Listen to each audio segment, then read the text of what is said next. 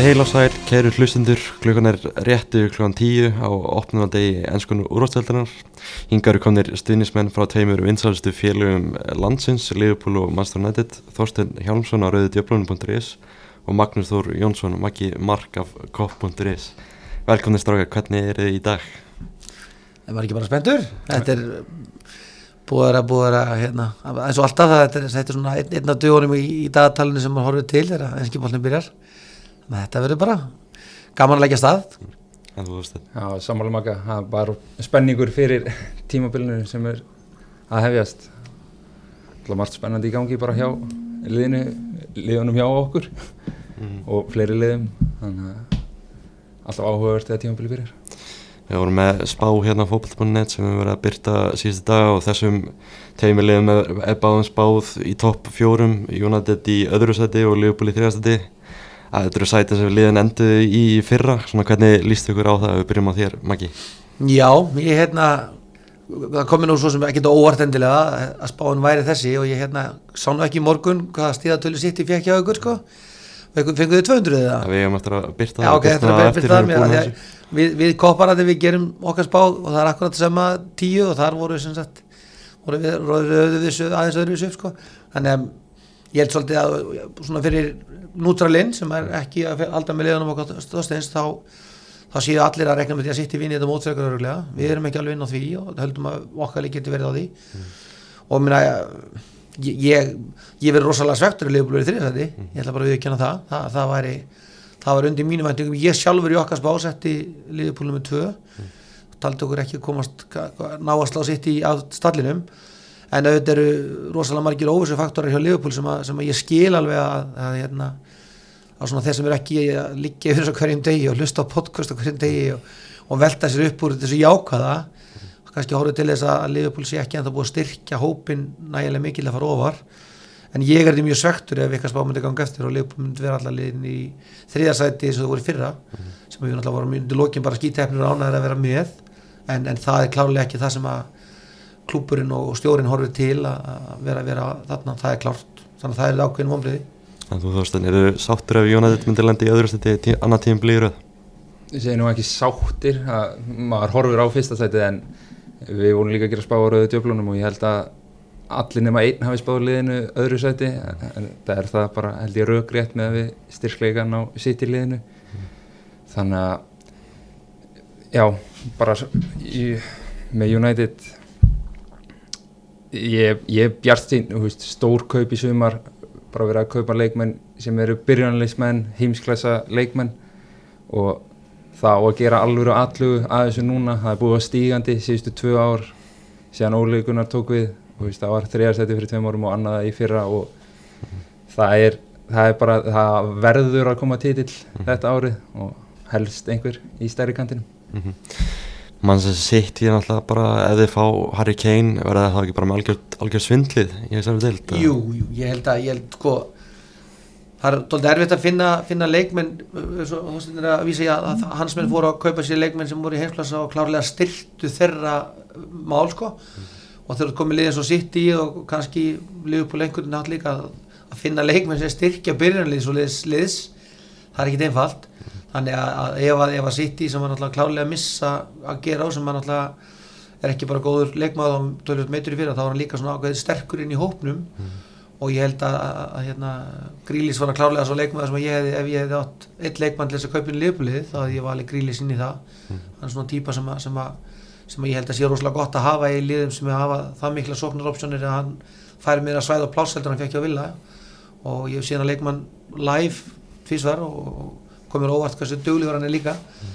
og það er að þeir bæta Kane við sig sem er klárlega uppgreitt á, á sitt í liðinu frá því fyrra þá náttúrulega í allir, allir lókikinni þá á að þeirra ættu þeirra sem voru mestarar og bæta liðið sitt að, að verða, verða betri kannski, þú veist, ástæðan fyrir því að við við vel, völdum það að setja sitt í okkar spánu nummið tvö er það að við teljum síðast ár kannski að verið ég ætla ekki að segja stjórnumert en það hafi verið margt skrítið í því og það er, mm. þetta mót sem að var í rauninni rosalega fáum örum líka og rosalega mikið út í sigurum, en að Liverpool er á toppnum og hrenja, United fer á toppin og hrenja og í einhvern veginn svona er, er tölvöld undir þessi stigatölu sem hafa verið en vinna samt til til öruglega þannig að við svona erum kannski að segja það að, að, að, að það er svona þetta challenges sem að lágu fyrir sitt í fyrra síðan mjög minni heldur en í vetur. Mm. liðin verði kannski svona nær því að að hérna berjast fleiri um það sem er í gangi. Mörg lið sem voru svolítið bara að spila autopilot held ég í fyrra. Þannig að, að það verði kannski það sem að muni standi í þeim.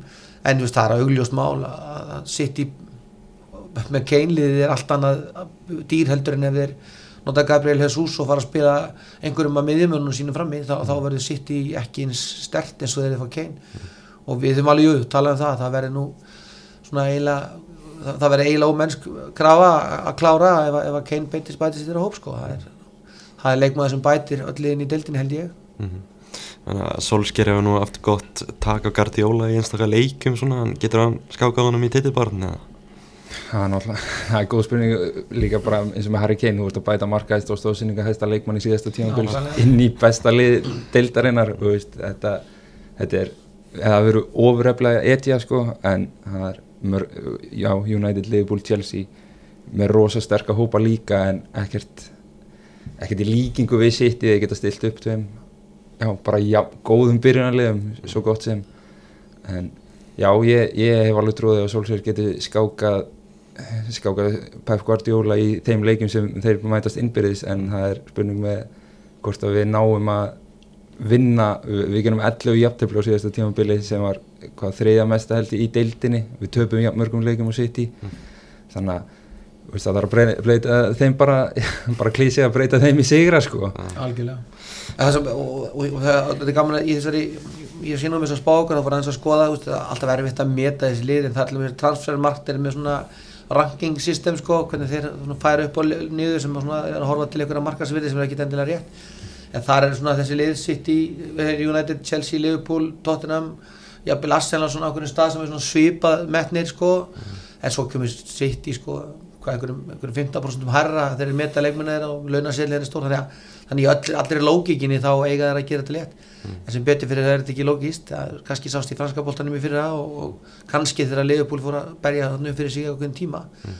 en kannski var það líka það sem gerist þegar City missir þessum títli og fær svona alveg challenges þá svona kannski eins og verðist verið núna þá nýtaði tækifærið að það er opnað á þessara glöfur í financial fair play og þeir bara alltaf bara styrkja liðið á þennan hátt sem að korki Liverpool gerir aldrei og United og að United fari í, í dýra leikmenn þá eru er, þeir að það var ekki Sancho giftur á 72-3 ár og, og sittir að fara að splæsa kannski 150 miljónum í Harry Kane sko mm. og 100 er grílis þá, þá, þá verður þetta svona hluti sem er á ráðslega skrifnum stæðin það getur líka haft öfug áhrif. Mm. Þú veist, það, það, það er erfitt að verja titil í Englandi og það kannski hörði við heldur myndu varir við að, veist, að liðin kannski breyta ákveðu upplægi og, og það verður veist, ég held í fyrra var kannski mantran allt í náttúrulega svo að það var liðupól og liðið liði til þess að vinna mm. og við sáum bara ástofnvilla leikin og fyrir leiki þar sem að svona, þessi lið sem að voru neðan um miðju það voru bara komin all in í þennan liðupóleik sem að kannski breytist núna að, að sítt í tóttanum verður leikur þar sem að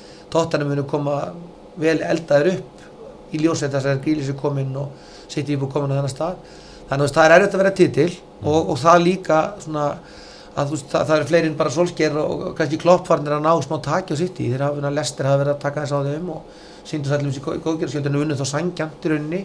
Þannig að veist, það er alveg svona ekkur í svona sénsar um til þess að sko svo að grípa þann séns að City tap einhvern 3-4-5 leikjum þá þarf þú að, að að koma með stöðuleika sem Korki, Liðupól og United náða sín í fyrra. Mm. að rönni því að Liðupól fram í desu ef mótið þið bara byrjaði í ágúst og við bara tekið pásu í janúar og svo byrjum við aftur hérna meðan mass þá var Liðupól með fleiri stík eldur en sitt í en janúar að februar var náttúrulega mánuði frá skrattanum á mínuliði sko, þrý sigrar í tíu leikim og sex stöpveldi sko.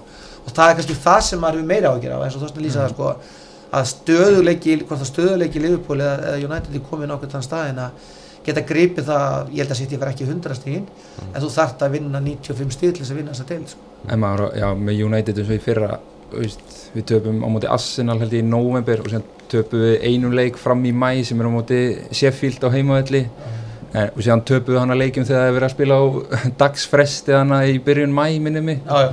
þannig að það, veist, það var alveg ágættu stöðuleiki þannig sé hjá United en það er þessi jafntefli sem voru að býta okkur í raskatið eins og þannig að við vorum á topnum í februar þegar United og Liverpool mætast þar bara um toppsætið en sen út frá því koma einhver jafntefli og þá bara sitt í var bara á rönni þá og bara stakk deildina af Ef við, svona horfum að þessu að tímbili fyrir það var eiginlega engin titilbárat eftir áramót eða eftir februar Nei, nei. Getur við séð fjögraðasta kapplaup kannski um titilinn alveg fram til loka eða? Nei, ég, ekki fjögur lið ég, það mun eitt af þessum fjórum ég, það mun einhvað, það er alltaf einhvað óvænt á hverju tímabili og það mun einhvað, einhvað lið mun hyggsta og það mun ekki vera fjögur lið fram í mars eða april sko, það, kannski, þrjú. Já, ég, ég, sko, ég veit ekki alveg að, að, alltaf- það er rosalega einmitt þegar maður horfir í gegnum, gegnum þessi fjögulið þá heldur ég séu raun öll öll bara sko, hvað sé, vel til þess fallin að berjast um titil sko. ég meina, auðvitað er það þannig að, að sko, mitt lið, svo sem ég, auðvitað er kannski svolítið að stóla á það ennþá að við kannski, á mínum mati þurfum við að bæta við einum leikmanni ykkur ofalega á miðuna, þess vegna var ég að horfa Jack Grealish kannski, við, alltaf, það virkar þannig að þessi, þessi varnamenn okkar síða heilir en, en þú veist bæði Matip og Gómez eru svona menn sem að getur mistið sér þegar farið brúlustiga sko. Þannig að maður er svona stressar yfir því. Þannig að það, það, það er ég held ennþá að Leopold þurfa alveg bæta við síðan leikmann en sko eins og Þorstein bendur á Chelsea þeir fara svolítið undir radarinn sko.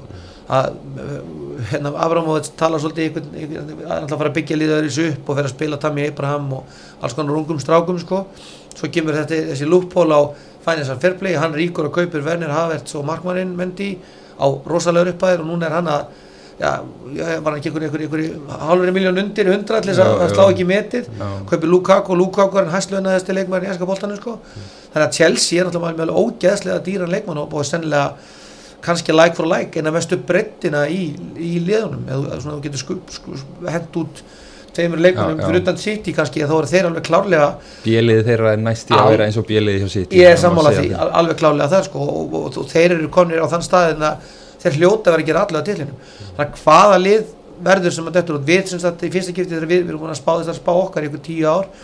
Og það var þannig núna að allir tíu raða þessum liðum í fjögur eftir sætin mismöndi staði að, að þessi fjögur lið séu svona töluvert frá hinnum og svo Lester svona þetta er eiginlega allir setur Lester í fymta en þessi fjögur lið eiga að geta verið öll í kringum 90 stig. En svo eins og Þorsteinn segir þetta er það þannig að líklegast er það að það, að það verði eitthvað sem að, sem að svona, ég lendi ykkur í misti og, og svona kannski mitt að hvað árið mestaradeldin hefur inn á því öll hefur alltaf ólíkt núna, öll að spila í mestaradeldinni og í fyrra var það ekki alveg, alveg, alveg, alveg stráður en þau varu að fara langt þar sko.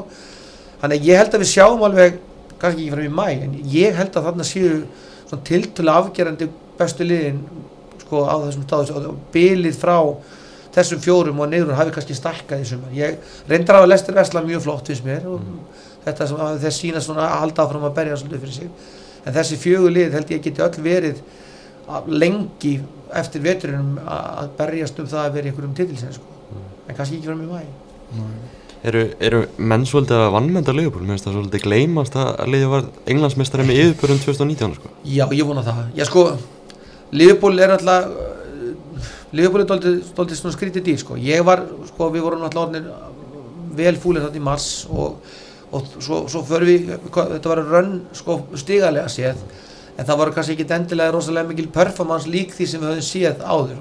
Og það má alveg segja það sama um höstið, við vorum að vinna leiki en vorum ekki komin í okkar fótbolta. Og það var kannski ekki fyrir rétt í blálókin sem manni fannst svona aðeins vera koma tilbaka, ég var við unnum til sáþóndunum 2-0 í leik sem var alveg sultu lélegur og á tveimur langskotum sko. en það sem hefur kannski gæst núna það sem við svolítið sem verður svolítið gaman að sjá sem að maður spenntur yfir er það að, að, að hérna, fyrsta skiptið í rauninni frá því fyrsta sumari á klopp að þá, þá hefur hann fengið æfingatíðanbíl og það er saman að ég er búin að lesa allt og mikið um Jürgen Klopp sko, og velta mér allt og mikið upp úr honum sem karakter. Að hans styrkleiki hefur alltaf leigið í því að finna leikmenn og bæta þá og, og búa til taktík sem hendar leikmennunum og þess vegna er svolítið erfitt að dæma núna þegar maður kemur inn svolítið bjart sín eftir að hafa horta á undirbúinastíðanbíl þar sem að maður sá klárlega að svona gamli stílina fótbolta var komin aftur. Þessi, þessi, leikir sem við spilum helgina við þessi spænskulið þá sáum við hápressuna. Sáum það að það var að virka þessi hluti sem að voru að gera, auðvitað voru það spansklið sem voru ekki í börnlegin eða fúlamlegin að setja bara sex í vörn og dundra fram. Voru að reyna að spila og við erum að fá mörkin okkar í þeim leikjum mikið upp úr hápressunni. Og auðvitað það að vera komin aftur með heila varnalínu sem breytti eða öllu fyrir okkur í fyrra þá, þá þýðir það það að við erum komin aftur á staðin sem við vorum kannski 2019-20 held ég. En liðin hafa auðvitað bætt sig. Og það er auðvitað það sem ég hef ágjör af svona þessi gamla mantra þú veist, ef þú heldur að besta liðið þitt sé ennþá að virka tveimur ára setna það er svolítið leinföldun en svo má kannski líka segja það. Við erum náttúrulega kaupið leikminni fyrra sem að meiðast báðir langan tíma, bæði Tiago og, og svo Diogo Sjóta meiðast og eru frá í þrjá mánuði upp á tímabils og, og svona er ekkert alveg konur inn í mynd, mynd, myndina þannig að maður soldi sér það að þessi leikminn sem voru að koma í fyrra eigi núna bara verða bara liklar og stóri rásar í þessu liði. En það eru rosalega mikið ef mm -hmm. við liðbúl þannig ég ég skil, aftur, ég skil alveg þess að ég skil alveg það sem að horfa bara á alla leiki enska bóltanum og lesa jafn mikið þau eru kannski ekki að horfa á Liverpool. Að þeir segja bara, þeir eru ekkert að bæta við sig þú veist, fyrir mínu átti slagt tímabil manni var ekki að skora, þeir er alltaf stóla áfram á þá mm. þú veist, það er, þú veist, þeir eru missa Gini Vinaldum sem alltaf spilaði flestara mínútur á miðumörunum okkar og, veist, og allt eftir því, þá, þá er alveg skiljanlegt að menn horfa á þá, að til þess að þetta gangi, ef við líka kaupir ekki leikmann, þá þurfum við lífbúið með að sjá leikmenni svona Nabi Keita og Alex Oxlade-Chamberlain og jafnvel en unga Harfi Elliot til þess að stíga upp í miklu starri hlutverk heldur en það hafa gert síðustu tvö ár og það er auðvitað líka stótt spurningamerki mm. þannig að það eru mörg spurningamerki við lífbúið en það sem manni finnst sko sem nánum áhverjandir sem horfur alltaf mikið á þetta að það sé svona þessi þeirra leið á fókbólta að koma aftur og það er auðvitað bara líkilinn að þessu að við bara týndum tím Mojo í nokkra mánuði fyrir að vorum bara ordinari venjulegt topplið sko sem að sem var bara sklapp nöfninni mestradel sko. og það er svolítið stort skrif frá því að vera þetta hápressu brjálaða fókbaltalið sem voru þar undan sko. mm. Já, horfum að það ég nætti þetta núna fjögur ár án titils voruð rosalega návaldi á síðustu leikti við aðreðar ústöldarleikur í Európa-delunni sem fór í eitthvað rosalegustu vítaspunni kætni sem ég bara séð sko. Svona, ertu, ertu bjart síðan að United landi loksins stilla á þessu tímubili? Já, ég er bjart síðan eins og ég kom inn á með kaup á bara mönnum sem ganga, að, já, ganga bara beint inn í liðið. Það styrkir liðið hrigalega mikið. Og eins og í fyrra ég held að liðið sótti næstu helming þegar við vorum að sækja markið helmingin upp vinstramein út af hægri kanturinn var bara geldur hjá liðinu núna með innkomi Sancho þá, þá er einhvað að vakna þar þeim megin og líka bara eins og inn í vörnina mann sérstaklega á móti held ég Everton í fyrra þegar Carlos Lúin var bara að leggja Viktor Lindelof nánast í eineltið hana. Þú veist að fá ein, svona 1.90 gæja sem hefur gert allt í þessu.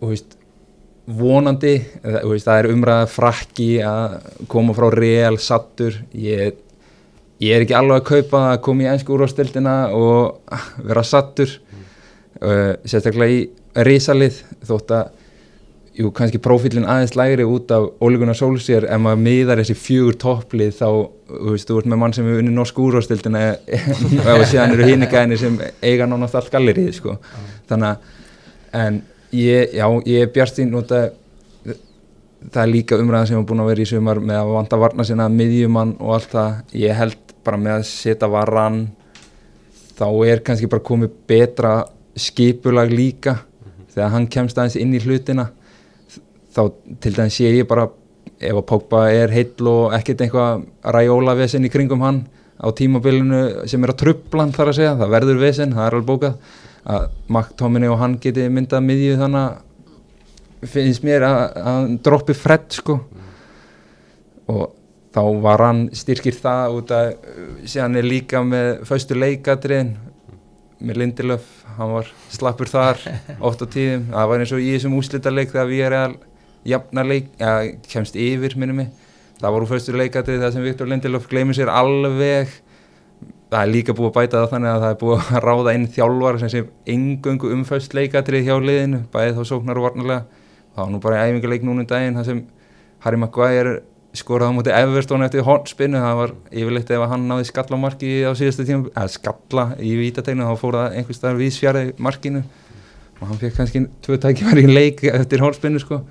Þannig að já ég, ég er bara nokkuð björnstín að leiði geri alveg aðlug ólíkunar hefur náða sérstaklega eftir fyrsta heila tímambilans þá eru dalinir kannski dálítið djúpir hjá liðinu ja, langir frekar kannski það sem voru lélegir kaplála lengi á meðan á síðasta tímambil þá voru eins og ég kom inn á þann að það var hana frá november fram í mars það sem tapaðist einn leikur. Og að hann sé bara vinna stætt og stöðust af því að minka það og, og já, gera liði að bara vinna titil. Það er Það er svo, er svo stort skrif sko. Ég, maður, ég er náttúrulega alltaf gammal líð til þess að vera uh, ekki að velta upp einhverju, gammalli klísi sko. en það er svolítið klísan að, að klára einhvern titil sko. og það er það sem að maður hefur hort á í gegnum tíðina þessi lið sem mann svona, þessum, þessum félögum manni sem að það, það svo verður vanur því einhvern veginn að vinna titil þess að United var með Liverpool þegar ég var ungur skilur með það bara munur að vinna allt þegar kemur þessi þurð þegar komið einhver ár þá, þá, þá er það þannig þú þarf, þarft að komast á eitthvað bræð til þess að svona hrökkvinn eins og Liverpool gerði þeir vinna mestradeildina svo taka í Supercup og heim, heimsmestratitil og svo þennan mestratitil sko. að, það er kannski það sem var horfið líka í núna að menn afskrifi kannski svolítið snemma hjá Liverpool að það, að vera, vera með leikmannhóp sem hefur sem kann þetta er, er, er ótrúlega mikilvægt og United hefur og Solskjær á bara á, kannski bara eftir að því að við svolítið höfum nú hatt þetta gaman eða hafa hann við hjólið og skjótum alltaf svolítið á hann við erum að veist, það, er- það er svolítið skrefið sem hann þarf að bæta við. Og við skulum ekki gleyma því að, að Klopp hafði þennan stimpil af líka leikul hann kemur og spilar úsleikum Manchester City, tapar honum. Við töpum fyrir Sevilla í Európa-deildinni og við vorum að dett út úr byggakeppnunum og og, og kemst ekki inn í það. Þannig eftir tvö ár þá vorum við ennþá að hlusta á það að hann vinnur ekki neitt í sig gaur. Þú veist, tap í kýf enn enn sem kom herri byrju, all, allir halda þessum gaur lengi? Hann tapar allir mústaleiki og það, það minnst, við höfum alltaf sjúka trú á honum en það er, það er þetta skref sem kemur. Og þegar þú vinnur titil eins og við tökum svo þarna tóttunum í, í, í, í, hérna Madrid þá, þá ertu laus við þann skugga. Og skugga, komina United lifir í skugga gamals árangur sem við ge- gerum reglulega þessi, þessi stóru miklu lið sem er kannski lið eins og Chelsea og City er ekki alveg komnir þangað ennþá, það eigundunum látið þannig þá eru sko aðdándur á mínum aldrei City menn sem er ennþá svona þetta er ekki orðin þessi þessi svakalegi skuggi á klubunum vegna þess að þeir eru að vinna ykkur að titla og er ekki á þeim stað. En veist, það er þetta skref sem þú þarft svolítið að taka. Og fyrir mína menn sko ólíkt því sem þóstundar vísi þá vilja þeir fara aftur inn í einhverja luti sem að voru skemmtilegir. Og þetta er þetta bara skrefið sem Solskjær þarf að stiga yfir í vetur held ég, ég við einmitt vorum svolítið að teipa það og við skrifum alltaf smá dorand um þá að, að þú veist, ef, ef United skeður ekki titli þá í vetur, þá myndi ég nú halda það að leikmannahópurinn hefur uppfærður. Ég reyndar held að United þurfum aðeins að skoða markmannsmálinn sín og, og ég er ekki vissum að Cavani verði jafn sprækur í vetur þó hann hafi verið frábæri fyrir það kannski svona ef ég, ef, ég- ef, ég- ef, ég var í United við þá myndi ég vilja fá einmitt hérna á mér Harry Kane og markmann en, en, en, en sko þeir þurfa það er eitt af henni meistaratitilinn en það að vinna einhvern byggar þarf að fara að gerast sko. Og því það er auðvitað bara þessi tjálinn segir sko appin á, á, á, á, á öxlinni og, og solskir sko. Hann þarf að komast út úr þessu að, að vinna titilinn sko. Að vinna, að vinna titil sig og þá, þá ef það gerist ekki vitur þá munum við horfa herðu þetta er frábært lið en stjórinn sem landar ekki titli sko. Þá held ég að það verði breyting sko. Það verðist gerðilega vera trú á, á Solskjær innan félagsins, það fæði mikið stuðning og svo gerði nýja samningu við hann í, í sumar. Já, það er líka síni bara með þessum kaupum að Sancho það er búin að vera að elda sig hann núna í tvö, tvö ár og hann kemur loksins og, og hann, hann vildi koma síðasta sumar og það síni líka bara leik, leikmenn vilja spila fyrir United og vilja þá væntalega spila fyrir Ólegun og Solskjær og fyrir, já ég bara hann, já, hann svona, hann, hann einhvern veginn, nær, sko, það, það verðist bara vera þannig, þú talar um ræjulega klúrið Já, hérna, já, já, já. hann er alltaf áru heldur en klopp, sko, en þú veist, það- þegar við vorum búin að vera í brasi með alls konar svona mál, þannig að bara klopp kemur svolítið og bara verður bara maður, og það er einmitt það sem mann virðist vera í leikmannhóp United, kannski ekki eins í aðdándunum, menn vilja hann skilja titli, en leikmenninni verðast einhvern veginn, Já, eins og maður hann horf, upp, sko. á síðastu tímabilið að, að ræjóla málið komu Já, já. bara hann að korteri fyrir Leipzig úslita leik hann um að komast áfram í meistaradildinni Pópa kom inn í þann leik og var besti maður liðsins í þeim leik þótt að sáleiku var hörmung að endanum. Og, en út frá því þá var Pogba bara aðal maðurinn til þess að koma United upp í þetta fyrsta sæti og var í einhver, þú veist, menn og bara erum við í titilbaróttu og þá, að mér varst hann einn af mjög stórum liklum í því. En Já, eh, það er líka verið að tala um hann, hann, þá verður bara næsta sumar hann bara spilar til þess að fá góðan samning á næsta ári og hjá einhver öðru liði. Veist, PSG voru heitir fyrir honum í sumar en séðan þeir hafa ekki efna á að bæta einum svona gæði viðbót. Þá trúði valla að þeir hefði pláss fyrir einn launapakka hjá Messi sko, í viðbót með alla þessa fríu gæði sem þeim fengu. Þannig að þetta er, þetta er alltaf, þetta er alltaf pínum púsleikunni og, og það er auðvitað bara svolítið svoleið sem að, sem að er, er akkurat máli sem að sko, mun svolítið ráðast á þessum vetri er, er náttúrulega akkurat þetta hvernig, hvernig, hvernig dýnamíkin spilast öll saman sko, hvernig sko, hva, hva, hvaða, mjög hjá okkarliði hvaða, hvaða, hvaða, hvaða útfærslu á fótbolta náman að gera?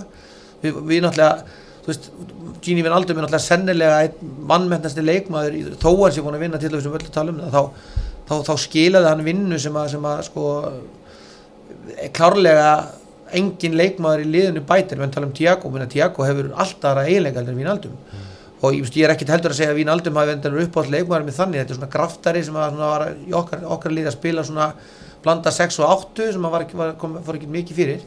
Og það er kannski það sem að sko verður, verður svona spurningin hjá okkur kannski svo, ég, ég lakka svo til að sjá hvaða, hvað upplegg Solskir, hvort hvað hver hann breytir þegar Sancho er komin inn því að þú veist það er svona tiltölu augljóst að hann gæti farið ofar á völlin og verið svolítið aggressívari sko, versus það að við þurfum svolítið að velta fyrir okkur hvað, hvað, hvað, er því að þessi nöfn sem er verið að tala um hjá Lífbúrs Hjaltast er ekki like for like fyrir hvað við nöldum þannig að ég svolítið lakka til að sjá hvort að Liverpool brjóti eitthvað aðeins upp og mér finnst endur æfingarleikinni svolítið vera búin að benda til þess að hann hefur verið að spila þegar Jóta hefur verið að spila þá hefur hann verið að spila meiri hefðbundin fótballleik með svona nýju sem kannski kemur til að fyrir mínu átti erfitt sumar. Svo kemur bara fyrir mínu að síðast æfingarleik og var langbæstum maður á vellinum og ég stend alveg við það að fyrir mínu er leikmaður sem þú veist á góðum degi engin ræður við. Þannig að það er svolítið líka bara eh, einhvern veginn pælingi hvernig er og, og, og, og þá þarftu svolítið að vera með stjóra sem er bara maðurinn í, í hópnum að stýra því og það þarf svolítið þarf að sanna það fyrir öllum sem að, sem að við erum kannski ekki vafa með sko. þannig þetta eru svona þetta, eru óvissu þetta sem að vera gaman að sjá hvernig ræðast inn sko.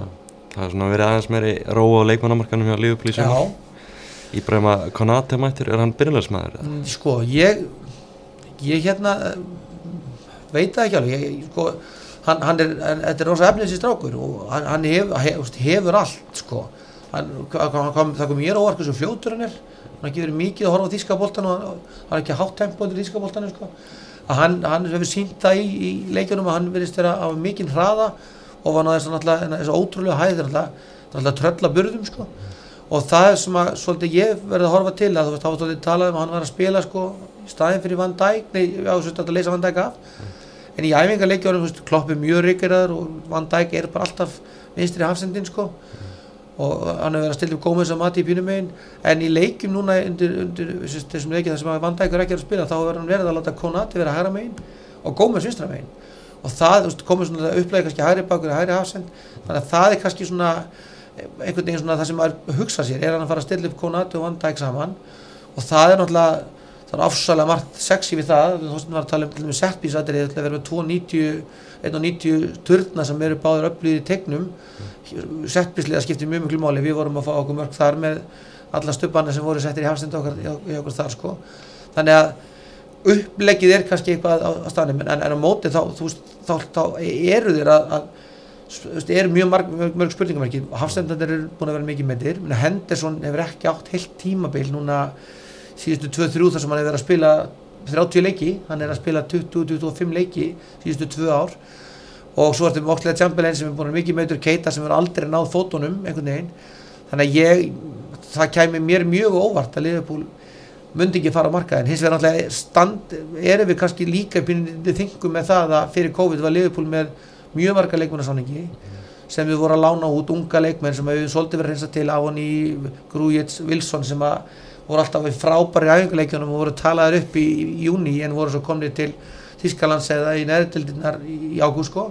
Þannig að þeir hafa þurft að vera og hafa gert alltaf duglega í því að losa svona leikmenn sem eru svona 20-23 sem að voru bara svona einhvers staðar rétt utan í hópin en, en þá þurfa þeir klárlega að losa sig við leikmenn. Leopold er ekki efn á því að vera með menn eins og Shaqiri og Ríki á 100.000 pluss pundum launum og spila svo ekki nema bara einhverja 6-8 leiki.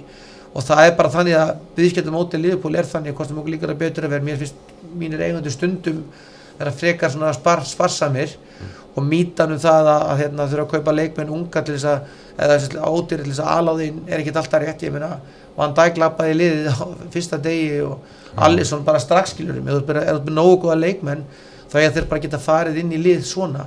Þannig að mig myndi langi einhver svoleiðis kaupin á miðun að leikmaður sem bara hreistur upp í dýnamikinni og þýðir það að við erum ennþá bara með flotta miði það, allir heilir og allir í góða standi þá er ég búin að glæða en, en sko við erum með á miðunni á okkur leikmenn sem eru kannski fyrir utan Fabinho all leikmenn sem eru svona soldið á einhverjum ástæðum annarkort út á meðslum eða aldri eða, eða því bara hafi ekki náða að meika það en þá soldið svona þannig að maður geti ekki alveg stólað á það sko. og mm. það held ég að Liverpool sljóta að vera hugsað til að það séu einhvern veginn klopp tala hann um bílundu þannig hann þurfa að losa frá, ég var svolítið að vona eftir því að væri staðfest að Shaqiri væri farin að, að, að, það er erfitt að losa leikmenn í dag á þessum launum.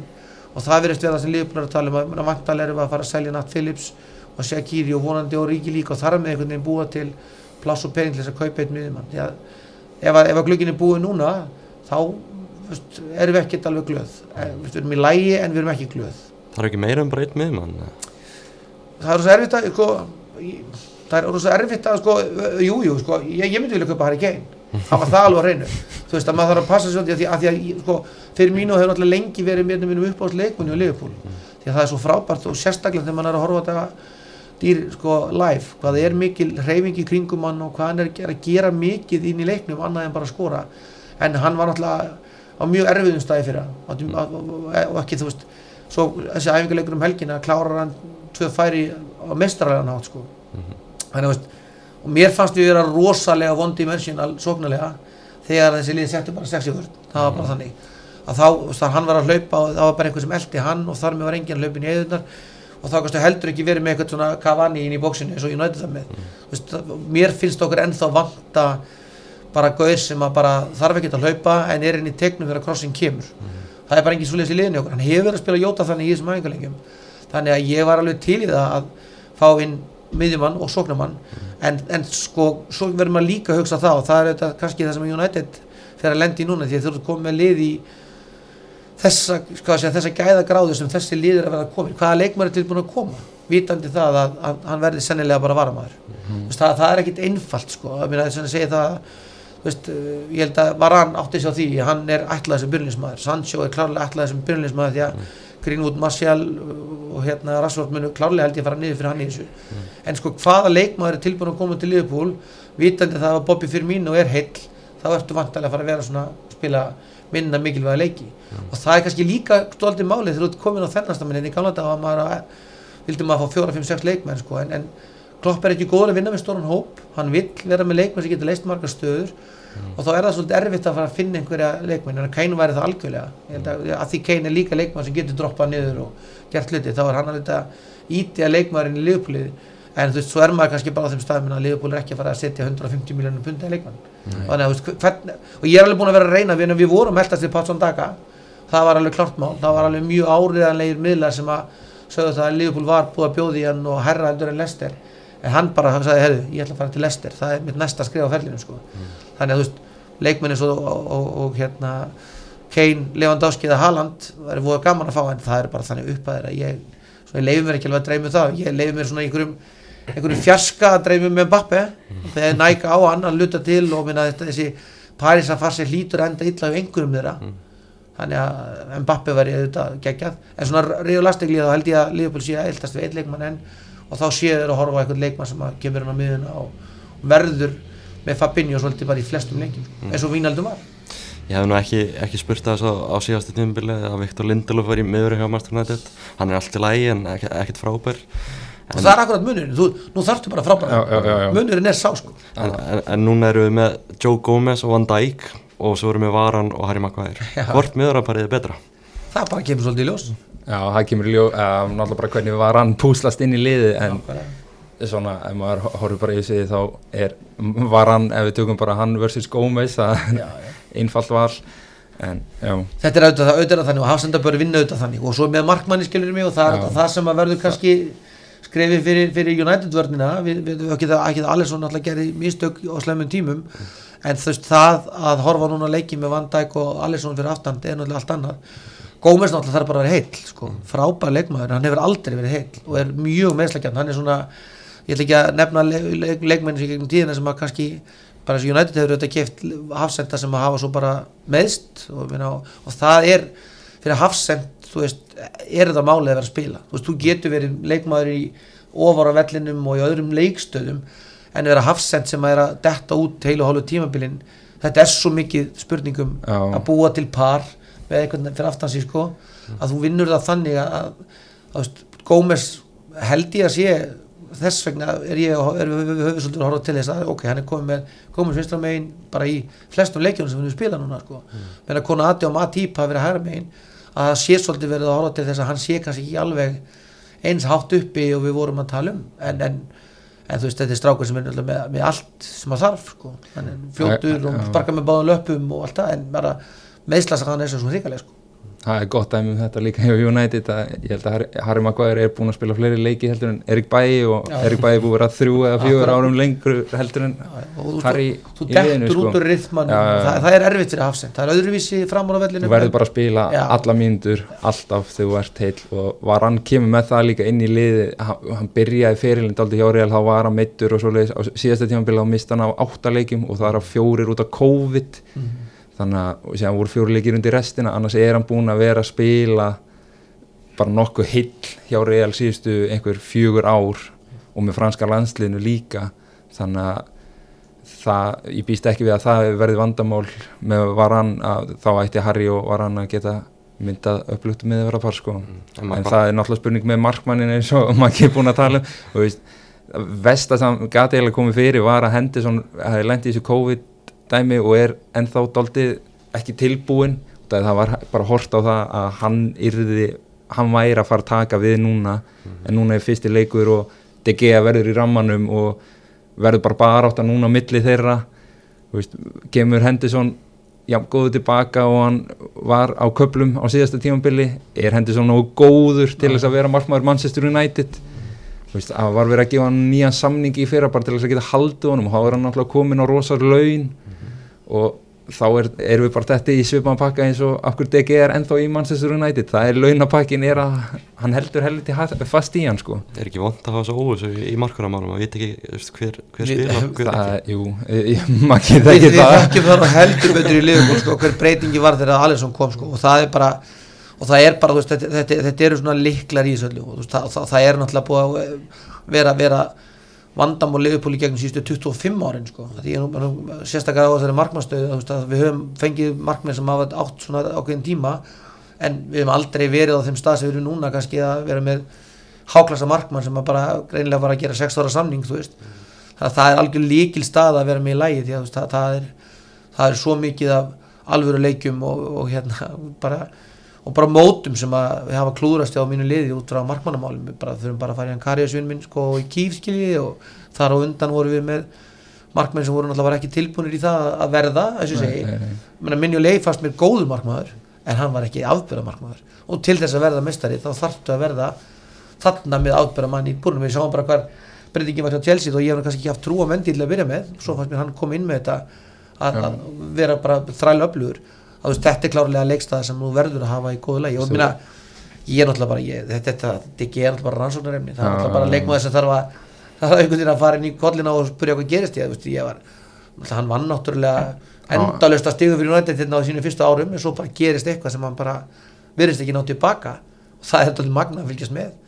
Það er sjálfströsti eins og, var, var bara hjá liðbúli fyrra. Ef, ef við tungum trend til dæmis sjálfströsti er bara svo ótrúlega mikilvægt hjá leikmönnum Já. en veist, maður horfir á hryggjastykkið í öllum liðum og þetta er fyrsta staðan sem er þá hort á í því hryggjastykkið, það er markmaðurinn og það verður bara spennandi að sjá hvernig hendur sem kemur tilbaka úr þessu COVID-dæmi og það ég persónulega vil að hann taki bara núna við keflinu, látum á hann reyna sjáum síðan hvað setur sko, ekki að það, það skip er silt fyrir mér þannig að Það er samanlega því. Við, erum nú að glær, hendur svo alltaf búin að standa þessi vel í leikinu mútið okkur, gaf okkur þetta fína mark þegar hann spilaði hérna með, með sínu landsliði og svo átt hann ekki góða leika mútið okkur. En það er auðvitað, ég skil þó sem vel í því, þetta er auðvitað bara það er rosalega erfitt að komin á þennan stað að vera komin með leikmann sem hún bara svona hefur ekki alveg trú á.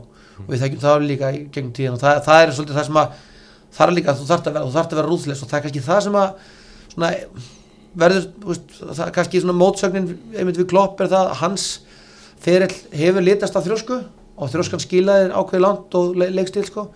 En það er svona veist, hann, hann skildi eftir eldra lið bæði með Mainz og Dortmund þegar hann var þar og var kannski ekki nógu duglugur að skipta út leikmunum þeir voru svona komnir á tindin og að fara, byrja að fara niður sko.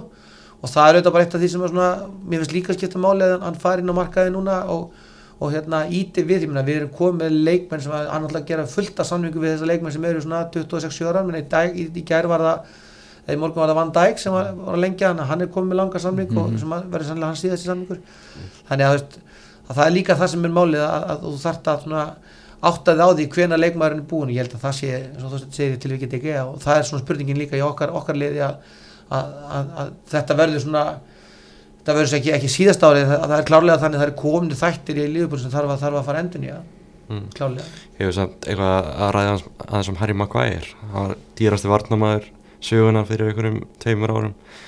Það er náttúrulega mikil hægt að mikil borga fyrir það sem sért mikil gaggrind og gerir mikil mistök og þannig séð.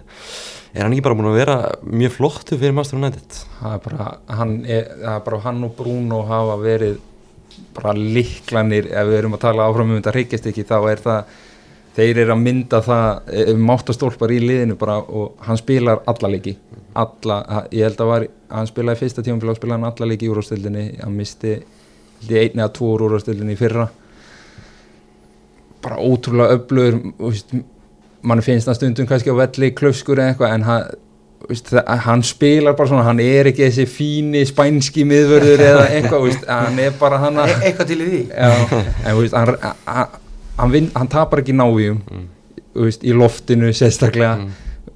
það er bara ótrúlega mikilvægt að hafa sérstaklega í svona stórlið þar sem þú ert kannski að lenda oftar í einna og einn stöðum út að þú ert að sækja mikið og hann tapar ekki þeim stöðum eða voða sjaldan þannig að bara stór þetta er stór tímanbyrg líka bara fyrir hann að sína svona margir hafa líka gaggrítan sem fyrirlega að hann sé ekki já, svona fyrirlega týpa er, er ekki nógu sterkur karakter mm. en hann er alltaf mættur í dómaran ef það er einhvað, hann er alltaf töðandi í veist, verja sína menn og ég held að sást eða best á síðastu tímabili út af vellinu úr tómir þá heyrðist vel í honum sko. Mm.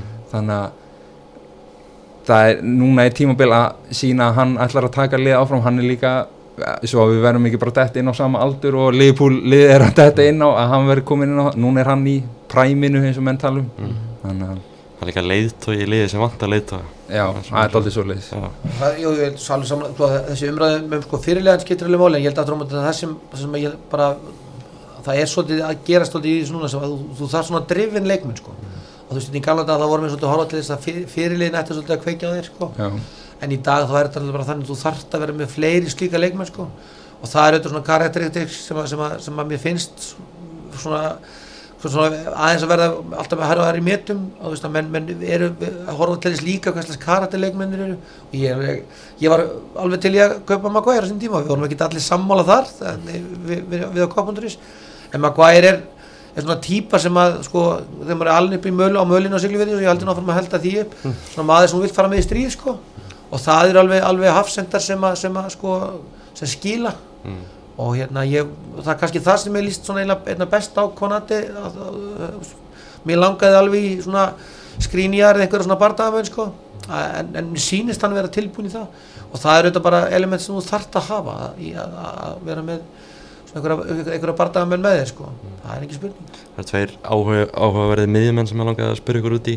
Við byrjum bara á, á Tiago Já, frábær hópaldumöður ég var mjög gladur að fá hann að mér, mér finnst ég, ég, ég hlakkaði rosalega til að sjá hans samvinnu við fyrir mínu sérstaklega. Mm. að því að hann er svona leikmaður sem er að, er að spotta spotta sendingun og undan stóðsendingunni mm. hann er svona sekundassist leikmaður sko. Og ef þú skoða tölfræðin hans í Þískalandi það er til til að fá mörg og til til að fá assist en, en possession og sendingar hefnar á eftir þriðingun og vellinum eru alveg galinn tölfræði mm. að hann er svona leikmaður sem að, sem að fær sko, liðið til, til að tikka áfram í, í hugmyndafræðinni sem að sem áttu vinni mm. þannig að ég bara mér fannst hann undir vorið í fyrra þá, menn hann meiðist náttúrulega verður þarna fyrir þessari líkas árás í þessum Everton leik og missir út þrjá mánuði fljóðlegt hann kom til liðsins og var svona aðeins að högta en undir lók tímabilsins þá fannst mér að hann verið mikill líkil í því sem það voru að vera að gera. Og það er þetta bara uh, hann er svona leikmaður sem að, sem að sko, Pogba hefur klárlega skotinn fram yfir hann. Mm. en hann er svona leikmaður sem þarf ákveðina dýnamík með sér.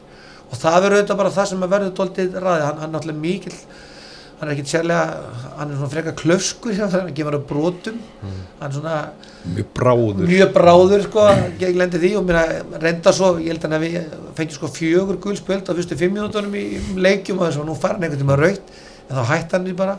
En þetta er svona leikmaður sem að hann er alltaf á ferðin í kringum sko, hann, hann er alltaf að búa sér til svæði og hleypur jafnvel langt út úr hvað sé sinni leikstöðu til þess að fá boltan, vill vera með boltan leiðan er búin að skila hann fyrir hann hlaupir í það næstu og það eru svona, svona leikmaður svona leikmenn sem er að mörgliti vannmennir sko.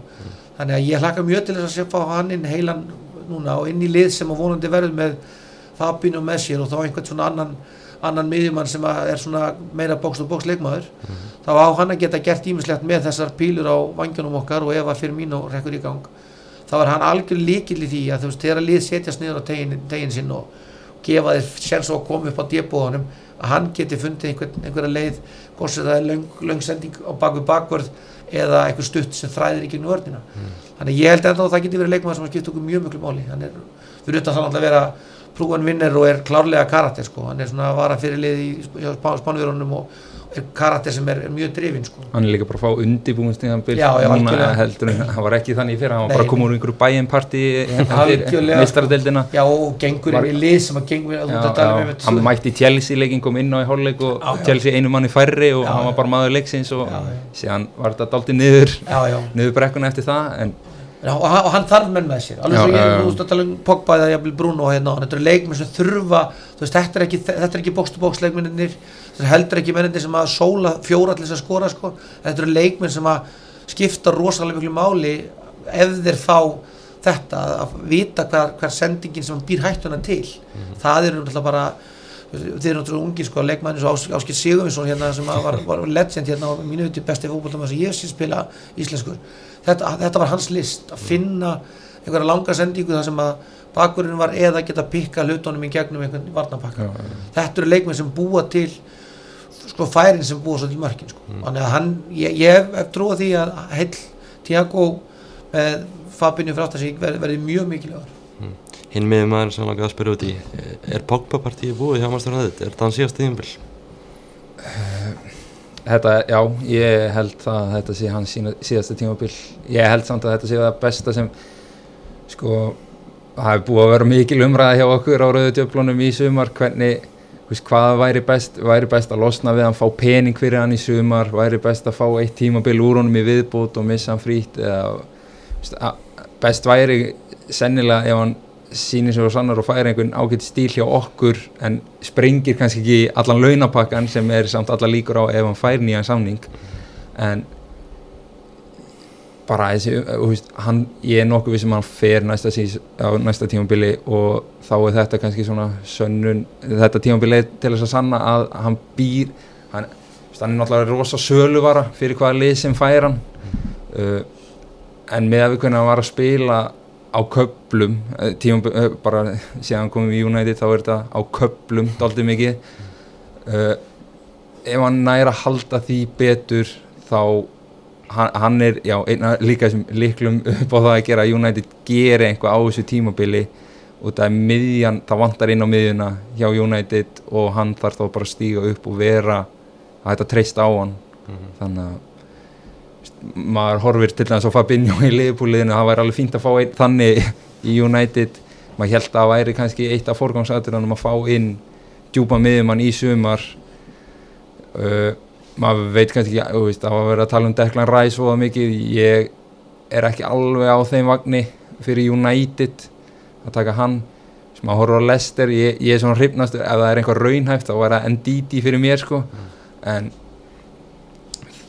en Pogba þarf bara að stíga upp og já, Er þetta svektur að sjá Pogba fara? nei, ekki eftir svona fyrri ár þá get ég ekki sagt að ég er svegt ég er svektur bara með maður bjóstu meiru og þetta er kannski svona last dance en bara sanna það að hann að fyrir hvað hann var keiftur hann, hann það er tveir titlar og það var fyrsta tímambili með Mourinho og það var Evrópu-dildin og hann að líka upp Mm. síðan hefur ekkert verið að frétta þannig séð síðan Mm. þannig að hann hefði, hann hefði átt að taka meira á sig til dæmis á móti VRL taka kannski meira af skarið en það kom ekki Mm. alltaf svo svekkjandi þegar maður er með fótboltamenn með þennan hæfileika sem maður einhvern veginn ná ekki að nýta Mm. mm. alltaf geggjaður fótboltamæður þú veist bara háum frækandi að vera heimsmyndstara þá alltaf var hann bara ekki bara bestur, hann langbestur. Já, uh, Og- hann, hann bara hristir menn af sig, Já. bara tuskar menn til á miðinu þegar hann er með boltan sjálfur sko. þannig að það verðist, eitthvað vanta bílindið inn í, inn í, inn í kvöldin á honum. Ég, bara ég hef svolítið verið að stríða því að ég er bara fínt að fá hann bara yfir og þetta bara klopp er, er hefðan til. Svo þetta, þetta ræjöl, þessi ræjöl æfintýri vondi fyrir þeim nú að ljúka. Mm. því það er það er Liverpool alveg ofinbarlega skipta ekki við þann umbásmann sko. Mm. og það, það er bara alveg ástæði fyrir því sko að þetta er, þetta er veist, þetta er alveg þannig að það er opaslega leiðilegt að eins og þóstin er að vísa hérna á hana að í einhverjum leikjum sem maður fara að skipta mál, máli þá stígur einhverjum umbósmaður upp og, og snýr allir umræðin einhvern veginn við sko. Þannig að hann á náttúrulega bara þessi, þessi, fara til Rajóli eru, eru, eru leikmenn sem vilja fá mikið út úr þessu öllu og það er náttúrulega bara ég held að United verði nú jafnvel í liðið með Liverpool að vera ekki mikið eldast við hans menn lengur sko því við náttúrulega bara í eina sem, eina sem ég sé bara með að við hvernig framherja kapallin er að leggjast í heiminu þá gæti ég alveg trúa að Haaland endi í, á Old Trafford á næsta tímabili og þá er náttúrulega enn einn ræjóla leikmaðurinn mættur. Þegar einn fer út þá kemur annar inn sko. Þannig að Það er nú eitt, eitt feitur vinnatekki sem myndi koma það já, svo það, sannlega það fylgir er feitur liðnutekandi sko. En ég held að það mun vera þess virði ef að þau kaup fari í gegn. Mm. En núna alltaf að spyrja ykkur einu. Er, er, be, er besti leikmaður deildarinnar Er hann í öðru kóri þessari liða? Besti leikmaður er skoðust þetta? Ég skal byrja nei. Það því miður þá er, þá er hann ekki að í mínu viti, ég, ég, ég myndi kannski geta gert tilkalli eitthvað næst besta en ég held að besti leikmaður sé nú ekki í, í Liverpool liðinu. Ekki vanda ekki að, að sala Nei, því miður. Ég vildi geti sagt það en ég, hérna, ég, ætla, ekki, að- ég, ætla, ég ætla ekki að vera svo, svo slæmur í hausnum að... Svona að- efstu tveir sem ég hugsa um annar er í sitti og hinn er á leiðin í sitti þannig að ég, ég, nei hjá mér sko líka. Þú veist ekki að vera að þrýsta Bruno Fernandes þannig nei, ef ég hugsa út í þetta þá er Sala jafnvel nærði þótt að Bruno mér, mér finnst bara ótrúlegt að kemur, hann getur verið svo daufur í leikjum einhvern veginn en hann kemur alltaf einhvað, hann kemur alltaf með einhvað á borðið fyrir liði en þótt að hann sé einhvað undir ratarnum í leiknum þá kemur síðan hérna einhver sending eða einhver touch sem býr til mark eða hann skorar bara já, á löngu færi eða hvernig sem það er mér er eftir mjög að vera með Bruno Fernandes í hérna hjónalliðinu sko. Ég hérna lendi þeirri ógæfi fyrir nokkrum árum að hérna kynast Portugal mjög vel og hérna er bara Portugali. Þannig að ég var alveg til ég að fá Bruno inn í liðið okkar og ég held að hann aldrei virkað inn í okkar liði. En því miður ég held að, já, ég held að, ég held að De Bruyne náttúrulega bara er stýttist nú í það við getum bara sagt að sé bestur í heiminum held ég bara þegar þessi gömlu jækslar svo Ronaldo og Messi þeir fara upp fyrir þá veist, breytir og getur spilað margar stöður og breytir leiknum bara. Já. þannig ég að það er svona afgerandi bestur og svo náttúrulega lígur tölfann að skeina ekkert. Því miður- ég var alveg til í það en, en, en, en, en því miður þá held ég þess ekki þannig. Smá heimaverkandi sem ég gaf ykkur og að henda saman í, í byrjunli já, Ef að henda okkur í það? Já, já, Hva, hva, Hvaða leik erum við að stilla upp í? Fjóra þar og þjó? já, ég, ég held við verðum að til þess að í bæði liðin eru ég, þannig ég, að að ég, ég stilli þessu þannig upp. Já, í- já. þannig að ég gerði það líka. Það byrjum á markaðastöðun, ég held að það sé frekar einfalt. Já, ég held að það sé nú- sé Það sé þannig það er gefið sko. Að við- ég myndur ekki setja mig neitt annað þar sko. Nei, Það var að- að bara Alisson svo- já, já, Já. Alisson Alisson. Kannski De Gea fyrir svona 5-6 árum. Ja, þá voru við með sko markmann sem að minjuleg sem að hefði alltaf unnið. Meira að segja þó ég hefði reynd að vera öflugur, ég var, að reyna að verja minjuleg greiði, mér fannst hann fá helvíti og vonda pressu sko en, en, en, en nei, nei, þá hefði DG að tekið það en núna er þetta alveg svona Já. Hægri bakurinn, ég held að sé líka smá gefið þótt því sé, sé verið að ráða um Baseka já, ég er nú sammála því, ég er nú, er meina það það er, það, það, það, svo er þetta það- þegar ég var æmynd að fara yfir til kollinu þá er þetta nú svol- svolítið þannig að það er alltaf svolítið erfitt vegna þess að það er náttúrulega ólíki leikstilar sem þú ert að horfa á sko. já, því að Trent náttúrulega, þú veist, við vitum það að hann hefur, hann, hans, hans hæfileiki líkur sóknarlega og hann átti erfitt tímabilað köpum í fyrra en, en það var eins og hann lendi náttúrulega í COVID til dæmis Já. og átti mjög erfitt upp á því. En svo fannst mér undir lokin að var hann komin á þann stað sem hann er. Og það að vera með bakvörð sem að getur leitt sóknarleik er eitthvað sem að, sem að skipti máli. Já, það var líka eða með Van Bissaka, það er búið stígandi síðan hann kom í United tímabili fyrra þá hann, það voru flesta stóðsendingar sem hann hefur haft á tímabili og flest mörg líka þótt þau voru held ég bara 2-3 hanna, en maður vill það var búið að þrálatar umræður líka í sumar að fá inn hægri bakur og aðeins að íta á bakið á honum. Uh, ég, hann, hann verður að stíga upp á þessu tímabili þegar maður talar, já til þess að liðið eigi séns og var eiginlega til að blanda þessum tveimur leikmennum einhvern veginn saman þannig að Já, Varnar hæfilega Van Bissaka og sóknar hæfilega Alexander Rannum Já, ég sko, svo náttúrulega, ég, er náttúrulega svo klikkaði með það, hvað, ég, að því maður er búin að horfa svo lengi á alls konar liða Liverpool, ég held ennþá að, að Liverpool langi alveg jafnvel að, að ef við ættum betur í hæri bakur, þá myndum við kannski íta trenda þessu ofar á öllin, sko, að því að þú veist, til þess að verða, ég, ég þú, þú meiri sé að þú ferði þessar gömlu eins og Cafu og Roberto Carlos, þess að kalla sem svona legend í þessum bakvarabransa, þú veist, Cafu gæti ekki varist, sko. Ma, ma, það var bara þannig, þá var rosalega fljótur að hljópa þá var verið að tekka hann, það er mikil brassi sko. og Carlos í rauninni líka en þetta voru bara menn sem að, eins og Trent og Rob, Robbo eru í okkar, okkar leik, leik þeir eru svona aggressífur að sækja þá er kantmaður sem er settur á mótið mjög oft bara kantmaður sem fylgir þeim. Þannig að þeir þurfa kannski ekki að verjast eins þannig að þegar þeir lenda í liðum svo, svo Trent var að lenda múti vandræða múti City og svona fyrra það sem að City var bara með aggressíf og sóknum á honum veist, það það er svolítið erfitt að finna bakur sem að er opbúsluðu taklari og góður í einn og einn en við svo 70 metra völlin og sendir inn í sko. Já, það er líka náttúrulega bara þegar Van Dijk datt úr liðinu Algjörlega, þá, það var helviti stórt fyrir Algjörlega. já, já, algjörlega en miðverðinu tveir Harry Maguire. Já, ég, ég var alveg búin að rekna með því að Þorstein myndi koma með hann og ég, ég sko á þeim tíma sem gæður var til sölu þá veldi ég kaupa hann. Ég er alveg tilbúin að kvita upp á það að við færing, varum með Maguire og heilan Van Dijk. Ég er að auðvitað stóla það síðan er líka að segja var hann, hann hann er búin að vinna fleiri titla heldur en þessi tveir gæl munu gera til saman en, það, ferli sko. en, en það, er alveg, það, það er alveg spurningamerki við varan það- er bara við þannig getum hann að við höfum það ekki, ekki, sko. hann hefur ekki hann er bara búin að vera í Real Madrid. Eða bara, hann er, hann er ekki búin að koma í ennskúrastöldinu og ekki búin að það, og, spila það er, og, það er, United, og það sem er öðruvísi náttúrulega við ennsku úrvarsdeildina er náttúrulega svolítið það þú þarft að vera tilbúin að standa upp í svona fysikal hlutum allt öðru þessi fótbolta heldur en er hinn megin sko. það, það verður bara, ég, man, ég hef mikla trú að vara og þetta er, þetta er góð kaup fyrir United en ég svolítið laka til að sjá þegar hann lendir í þessum börnleik strækurum sko, og voktun strækurum sem að eru og, og, og, og það að minnist að þetta fyrra er, uh, við spilum á mútið Vestbróns Albjörn og Já. ég man ekki eins og hvað hann heitir hann að trukkurinn fram hjá þeim buffaði Lindelöf nákvæmlega þannig að hvernig, þú veist hann að mæta svoleiðis gæjum sem svífa steinski sko já, já.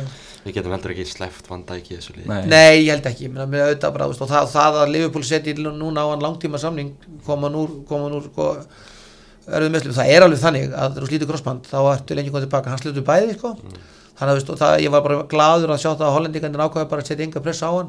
Þannig að hann er búin að vera, ég held að hann hefði farið ykkur fimmtaða frí í sumar, hann er bara búin að vera í, í, í körpi að byggja sig upp, sko. Þannig að og hann, sko, hann er alveg meðvitaður um það að veist, það er allir búin að segja, crossband, þú er nú sennilega farið, sko. Mm. þannig að auðvitað er það stort spurningaverki hann, hann svona datt eitthvað einhvern maður og sett inn á nýð og það var bara, við erum með svona spjall og það var bara, nei, nei, nei, nei, bara leið sko. Þannig að leið og hann dettur á nefið bara óvart sko, eitthvað þar, þá munum við draga djúft andan, en hann náttúrulega hann er, hann er bara svo mikilvægur bara í gegnum svo margt, náttúrulega talað um leittóan, líka settbíslegar á öðrum stað og þannig við verðum að hafa hann með spurning hvort að þetta breytist þegar álíður á tímafili Já. Já, það er bara, þetta er alltaf eitthvað gisk sko. já, já, já. Það held ég, held ég að sé áhugaðast að staðan þannig að framöndan, það vinstur bakar að staðan. Já, ég er alltaf vil, vil, vil spila mínu manni þar heiklöst já, ég ætla að vera ósámála Já, já, þetta er, þetta er bara sko, talandi um vanumvendarleikminn þá held ég að einmitt í ljósi Trent Alexander Arnold þá náttúrulega hefur Robertson verið töluvert farið undir ratan mjög marga hann er náttúrulega hann er náttúrulega ótrúlega mikilvægur í þessu liði og það sem að hann kemur líka með gagvart sko leiknum er einmitt svona leitu að hann er, alveg óþólandi að spila mútum hann talandi um sko hann alltaf fyrirlið skoska landsleisins og hann er held ég, að styttist í það að hann fá eitthvað senst þar hjá Liverpool sko því að hann er alltaf í andlitun á hann er alltaf, fyrir undir skinnið á, á vangmanninum og mættur í dómaran og, og er, svo, er, svo, er svo ótrúlega grimmur sko þannig að þetta er svona ef ég ætti að, að fara að velja mér eitthvað til þess að vera í liðinu mínu ég var að spila með svona og hann er einn af fyrstu mönnum. Já, hann er svona, svona bardagamæður og ég fíla bardagamæn og við, við sko, Trent er alltaf alls ekki. Trent er svona leikmaður sem hefur verið að láta eitthvað íta sér út úr og, og jafnvel Joe Gomez. Joe Gomez hefur svona, mér hefur fundist að stundum hann hefur verið að lendi í vandræði með svona einhverja trukka vegna, hann leifir að mýta í sér. Robbo lendir í einhverjum 1.90 trukk og hann bara neglir hann og segir bara drullar á lappi þannig að ég fíla hans karakter, karakter mjög mikið sko. þannig að ég myndi nú alltaf vilja setja hann frá sjó sem sjó hefur visslega bætt sig. Ég er ekkert að úr því. Já, sjó er núna bara á síðasta tímabili þá er bara síðan hann var keiftur þetta var það sem var búist við á honum. Hann lendir náttúrulega þegar Lúi van Gaal tekur við liðinu þá, þá svona í byrjun tímabils þá sá maður veist, þetta er það sem við vorum að kaupa þegar maður búin að taka eitt tímabil eða, síðan fótbrotnar hann og eftir það er að búa daldi sorgarsað þar, þar til nú sko. Morinni og Brautan náttúrulega niður og allir tekja þá sögu. En líka, líka bara ef maður tekur EM hann var bara á föstu leikatriðunum hjá enska landsliðinu og það eru engir aukvísar sem geta tekið þar. Og úslítalegurinn skorar að ég held að hann var með flest hann toppaði sem þetta á síðast tímabili hann er aldrei við með mar, ja, margar stóðsendingar á tímabili. Þannig að Séðan, ef, ef við fyrir í einhverja fantasi umræðu ég held að hann sé örgulega sá sem flestir velja í liði sitt var, varnarlega. Sterkur í fyrstum leikatir sterk, bara orðin rosa sterkur sóknarlega og varnarlega það er náttúrulega ólíkunar þegar hann hef, hefur verið að stilla upp í þryggjamanna þá hefur hann að taka Luxjón niður í vörnina. Það náttúrulega það hefur háðunum að vera fljótur að þykja sig en það er líka kostur. Þannig að Ég að við verum alltaf þáttastöldna en þú, þú seldi mér ekki þessar aðeins sko. Það er ekki bara að vera sammála með að vera ósamála Jú, jú, ég held að, ég held að verði bara þannig. Þrjá, þrjá miðjumenn Já, ég hérna ég hérna veit að það verður það verður erfitt til mér að kikið kaffi til steinavina minns þegar ég seti þetta. Ég ætla eiginlega bara ég sjálfstur ætla ég bara að gera eitt tilkall þar. Ég held að Fabinho sé klárlega að því ég myndi alltaf vilja stilla upp ein, einum, einum varnamiðjumanni og það, ég myndi vilja ég með hann líka. Já, ég myndi vilja taka það þann stað en, en hinn í miðjumennur okkar ég myndi vilja setja Henderson vegna, en Henderson er bara svo mikið leiðtói í liðinu mínu. Mm. en ég svolítið var nú kannski ekki með fleiri mín megin, ég lefa þóstinni að koma til líð, þá breytaði ef hann er ekki sammála með hvaða United menn ég myndi vilja hafa með honum Bruno er átó Já, já, ég, það er þess að ég vildi að þú segmundir segja nafnin það er að Steinir kannski gefur mér ekki kaffi því að Steinir er ekki mikil portugalsmaður heldur sko og Bruno er þetta Bruno er að dirty player og ég segja það með, veist, ég, mér er ekki dýla við það sko. Hann gerir, hann gerir allt til að vinna Já, hann gerir allt til að vinna, hann er dirty player og, veist, og, það, og það er bara, minna, þegar maður fyrir að halda með Portugal og ég gerir bara nokkuð vel, móðum ég bjóð, heiti bjóð þar í mörg mörg ár þá er þetta svona mentalitet þetta loðið aldrei við þá þetta er bara mentalitet sko Suður Európa þeir, þeir eru fljótinnir og þeir eru aðvæla og þeir taka tíma, ég hef farið að leiki í portugalsku deildinni sem er bara farsi í rauninni hvernig þeir, hvernig þeir gera þetta. Og þetta er bara þeirra upplöku þeir hafa hana árangri með það. En Bruno Fernandes er náttúrulega leikmaður sem þú veist að hann býr til mörgur engu. Mm.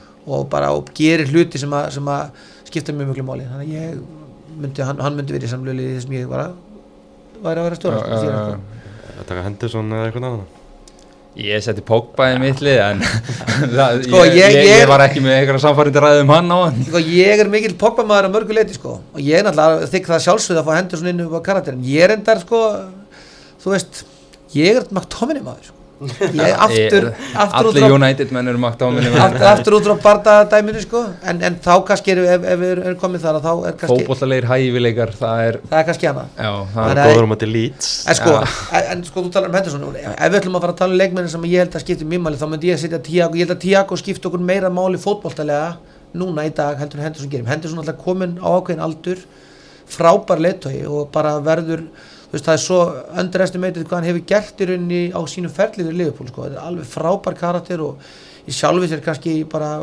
verður settur með einna svona stóru fyrirlefum Liverpool í gegnum tíðina því að hann, hann hefur, hefur rosalegt pressens í klefanum en fókbóltalega í vetur og fókbólta hæfileiki þá held ég að þegar ég fer, ef ég fara að styrja upp liðinu þá myndi ég þá myndi ég frekar segja ég ætla að setja tíakonni lið og spila lið í kringu það en hendur svona leikmaður sem ég vil hafa í ákveðnum aðstæðum þannig að ef það er löst pláss á miðunni þá vil ég setja Tiago frekar Henderson sko.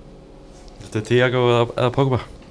Ég tek Pópa, það er bara Maggi var að tala um að hann vildi bara vera með hann í sínu liði helst að láta klopp kenn honum ég meina góður Pogba ég, meina, ég, bara, ég fíla leikmenni sem Pogba síðasti leikur sem maður sá með Pópa það var þegar hann datt út hérna á EM og þá var hann besti maður vallarinn stóttið töpu eh, veist, sá Pópa þegar hann er bara tuska menn til hann á miðinu og er að setja hann í skeitin á 30 metrónum og, en það er bara ekkit alltaf. Þess vegna er, já. Ég á inni bara fyrir sóknarmennunum Já, Já, já. höfum poppaðan en þrý sóknarmenn. Sko það sem er mjög vast erfiðast í þessu er það, veist, það ég held að lið, bæði, bæði Liverpool og United eigi kannski pínu erfitt með það að stilla upp sóknarmanni sko, þessum fremsta. Ég meina, ég- Nýjunni nýjunni sko. Cavani er, og Cavani er að mínu veit ekki klárlega ekki á þeim stað og fyrir mín og ég, ég var erfitt með að selja hann vegna þess að hann átti erfitt tímabili fyrra. En, en, en, en sko ég, ég rauninni fór þá leið að, að, að, að hérna, setja bara Sancho Mani og Salah og setja bara Salah upp á topp sko. Þó að það væri þannig, veistu, minna, Sancho og Mani ég, ég, ég var til ég fá Sancho, alltaf. Hann var algjörlega, og minna, fyrra var held ég klárlega verið að velta honum fyrir sér svo var hann bara á dýrin í það budgeti var í gangi þar. Þannig, ég, þannig ræðaði ég því upp að, þú að, þú veist, ég, ég veit að það er fáur leikir í Englandi sem þeir myndu spila þessum þremur en þetta eru þeir þrýr sóknarmenn sem mér finnst vera mest spennandi í, í þessum, þessum tömulegum sko. eina sem ég myndi challenge þannig er mani sko. Eða, veist, það fer eftir hvernig við erum að horfa á þetta ef við tökum bara eins og lók síðasta tímabils þá er Cavani sko, frá, frá, frá april og til lók tímabils þá er hann með tíu mörg uh, já, í, já á síðustu tvei mánuðunum en það er alveg rétt sem ekki, hann er orðin ég veit ekki 35 ára Já, og hversu mikið spilar hann fyrir Það þarf- leið, hann, hann er 60 mínúna maður eða spilar 90 og er í frí í næsta leik. En það er líka eins og með manni e, var síðasta tímabil einstæmi verður hann aftur Já, komin og einn einn af stóru þáttunum fyrir við kláruðum voru var það að manni datta þessi í gang Já, aftur já. sko. Ég held að manni eftir að stígu upp á þessu tímabili. Já, ég held að líka með við hvernig hann var líka bara fyrir Liverpool á tímabilin sem þið unnu þetta þannig að ef Þorsteinn fær poppa þá fæ ég manni og sala og við erum já. góðir við skulum vera kvitt þá Er ekki að semja um það? Já. Jú, jú. Og svona að lokum eh, í þessu heimaverkefni Já. Einn leikmaður sem þið myndi taka úr hinu liðinu ég skal byrja, sko, ég, það var akkurat það sama sem að mér fannst veist, að, að mörgu leikti eru styrkleikar Liverpool og Manchester svona þeir sömu að að það, það er alveg þannig að mér finnst var Bissaka skemmtilegu leikmaður Maguire fílaði ég en þú veist, svo fór ég ára, ok, ef ég, ef ég, ætti, að- að fara að stilla gönum upp þú veist, á morgun og það er ekkert margir United með sem ég myndi vilja gera það, ég meina Sancho er til til lobby að við vorum eldast við hann. En ég held nefnilega að það sé ekkert margir sem getur leist þetta vín aldum betur heldur en umrættur Scott McTominay. Þannig að ég kannski kem mörgum og óvart með það ef ég, ef ég ætti að vera Jörgen Klopp og fara að rífa upp veski núna. Þú veist þá ég var alveg búin að segja ok, Pogba en ég bara, veist, ég fíla Pogba og ég fíla Fernandes en þú veist Fernandes myndi ekki inn í liðið okkar Pogba er þetta sem Steinir er búin að lýsa þá er það bara þannig að hann er ekki stabíl ef hann væri svo maður, þetta er leikmaður sem að ef hann væri í þessum ham sem að þóstættin var að lýsa hérna á hann þá var þetta nákvæmlega miðjumæður sem Liverpool vantar svona leikmaður sem tekur til sín og getur skorað sko. því að við höfum ekki verið með svoleiðis miðjumæður mjög lengi og Coutinho gæti skorað en gæti ekki tekið til sín. Þannig að Pogba tekur þetta bóksin, ég treyst honum ekki. Þannig ég ætla bara að kaupa og mér, mér langar alveg Liverpool náttúrulega á sínum tíma gerir mjög margar tilhörnum við Marcus Rashford og mér finnst Marcus Rashford mjög spennandi leikmaður til framtíðar, ég held að hann geti orðið ef hann aðeins dregur úr samfélagspælingunni og einbetið svolítið meira fótbolti og þetta er ekki illa meint, mér finnst hann gera, gera ótrúlega flotta hluti. Hann þarf bara núna svolítið að setja bara hausið niður bara búlka sig upp og verða bara held í nýja sko. Já, mér finnst samt að hann fá ósang, ósangina gaggrinni, þú veist á tíum, síðasta tímabili ég held að hann, hann kom af 36 mörgum í öllum keppnum Já, já. þá mörg og stóðsendingar og já, næstu 50% af öllum sóknum United kom upp vinstri á engin þar sem hann og Sjó voru að mynda já. uh, gott heimi mér finnst hann ennþá feitt út úr leikjum mér finnst hann ennþá svolítið feitt út úr já, leikjum það, það, er, það er kannski líka eins og maður tekur Sancho og hann ber þá saman. Sancho er að koma með svona, hann, hann gefur boltan á réttum tíma, hann veit hvenar á að losa. Þetta sýnir það sem ég held að var með hvað, ég skrifa þetta hérna hjá mér hann er með 20 stóðsendingar á síðasta tímabil og hann, hann, hann var inn og út úr liðin í byrjun og síðan var hann mittur í einhverja 40 dag undir restina en hann skilar samt 20 stóðsendingum á síðasta tímabili sem er bara fá, já, Svo við tökum það kannski Tomley, fram er að hann. En svo við tökum það kannski fram með Rashford og það sem hann er að gera í samfélaginu Það sem var ekki illa, alls ekki sko, alls ekki, finnst bara, bara frábært að fótboltamenn skuli hugsa með hausnum en ekki öðrum líka slutum sko. Bara, bara, og þetta, þetta, er- finnst þetta mjög spennandi leikmaður, mér finnst hann ennþá bara þú veist, hann, hann svolítið svo, mér fannst, ég horfði líka að ég liðbúlu orða á sínum tíma með Tami Abraham. Ég sá hann til dæmis spila live á lánsmanni Áston Villa, mér fannst hann mjög spennandi. En hann er svolítið að frekar að stíga tilbaka heldur en eitt og meina, ég veist hann fara nú frá Chelsea núna, ég get ekki ímyndið að vera að vera varma fyrir Lukaku sko. að Rashford er ennþá bara spennandi leikmaður sem að, sko, sem að getur orðið alveg ógeðslega góður. En, en svona þú veist þannig að ég hugsa að það var og af þessum ástæðan það valdi ég fyrir McTominay sko. mér finnst hann svona leikmaður sem að hann er þessi dínamó sem að gæti dóttið inn í þetta liðbúleikjörfi vera þessi svona vínaldum típa sem að við ég held við um þetta að sakna sko. Að hvern myndið þú taka úr, úr Liverpool? það sem vantar í United er varnasinnaður miðumæður og sem væri frábært að fá einn geggjaða markmann þannig að það er allir svona Fabinho var svona það sem ég horfði á helst þannig að það, það eins og á síðasta tímabili að, að þurfa að spila alltaf einhvern veginn með tvo varnasinnaða miðumenn hvort það er á, veist, gegn stórulegunum ok, en þegar þú ert að spila gegn minnisbámunum að þurfa að setja þetta kombo alltaf og það byggnar náttúrulega á sóknarleiknum Bruno og Rashford heldu upp í sóknarleiknum mest megnis allt síðasta tímabil nema hann undir restina að Cavani skora úr öllum færónum sínum mm. þannig að já, Fabinho bara til þess að geta verið bara með rock solid fyrir fram að vörnina. Og séðan já, Alisson við fórum í margmað smálin á hann. Að væri ef að þeim væri bara hægt að ljúka þeim með einum svona þá væri það frábært. Ég bara, það er svona bara sagt ég held að við vorum að tala um þetta ég, ég held að Fabinho sé sko klárlega líkilmaður í mínu liði líka. Þannig að ég skil það vel að Stofsson vilji fá hann. Það er skynsamt val. Þannig að þú þurftir að taka einn þá er það Fabinho. Já, það væri fyrsta val. Mm. Loka spurning fyrir ykkur tvo það er drauma tímumbil, er, er þetta ekki bara óþör spurning? Það er bara allir stóri tiltalinn eða ekki? Jú, sko ég byrjaði sko, ég, sko við náttúrulega bara það, það ég held að sé, kannski ég að báðum liðum. Þá alltaf titillir algjörnum auðvitað er það þannig að veist, við erum sem betur fyrir á þeim stað að horfa einska titilin sem svona það sem við ætlum okkur að gera. Ég hef svona, ég, ég sett ákvað sem þegar ég var að ræða minnisbáð þá seti ég okkur nummið tvö þar að ég held að þetta bíl sem var á milli liðan í fyrra þó ég, ég sé sannfærum að mingi Liverpool City kannski náðu þetta ekki, þannig ég vil fá títur og ég auðvitað náttúrulega er þessi með stóru eirun alltaf það sem mann langar til að sjá.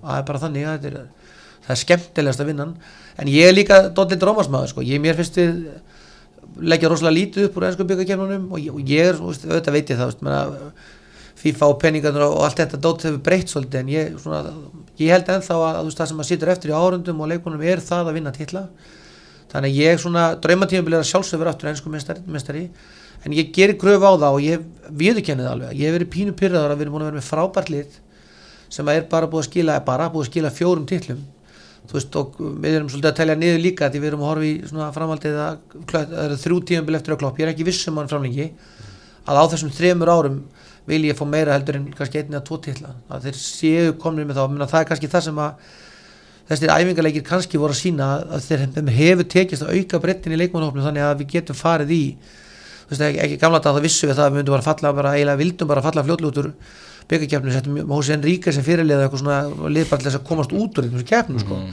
að þú veist, núna vil ég bara svolítið að það verði af bara, það verði þannig við sjáum við líka búin að fara í úslita leiki í þessum kjafnum og, og vinni títla það er svona draumatíma vilið Já, fyrir United þá á enski títillin það er svona það er aðalmarkmiði fyrir mér að væri, já, að vinna og bara gera alvöru aðlegu að því og vera ekki og veist, þetta laug, þessari baróttu um títilina því laugana bara í februar síðasta tímabili og séðan eins og mistradildina það var hörmung á síðasta tímabili eftir ótrúlega gott start í riðilinum komast áttalega undanúslit í mistradildinni væri frábært, en veist, maður vill náttúrulega bara vinna títilina en það væri rosa stórt að komast miklu lengra í mistradildinni uh, með þess að byggjarkjafnir FA Cup það er það er sjarmur yfir því. Vist, á síðasta tímubili við döttum út á móti Lester í bara menn voru mjög reyðir eftir þannleik á spjallinu hjá okkur við getum bara sagt það. Þannig að veist, menn vilja komast langt í öllum keppnum og helst vinna tillana þannig að en já deildin ég, það er priority myndi ég segja. Það er svo- það svo vina- það svo vina- vinalegt fyrir mig að hlusta United menn vera að tala eitthvað langt síðan um deildina. Þetta er svona setning sem að ég þarf ekki alveg að pæli núna en gerði ansi langan tíma hvað er orðin? 8 ári eða? já, já, við erum að telja 2013 Sko nú vona að þetta verði ekki alveg 30 ár. Jú, við ætlum bara alveg vona það. Við ætlum alveg vona það. Já, þá segir bara takk kærlega vera að mæta strókar og góðar umræður og bara gleðilega hátíð. Sem takk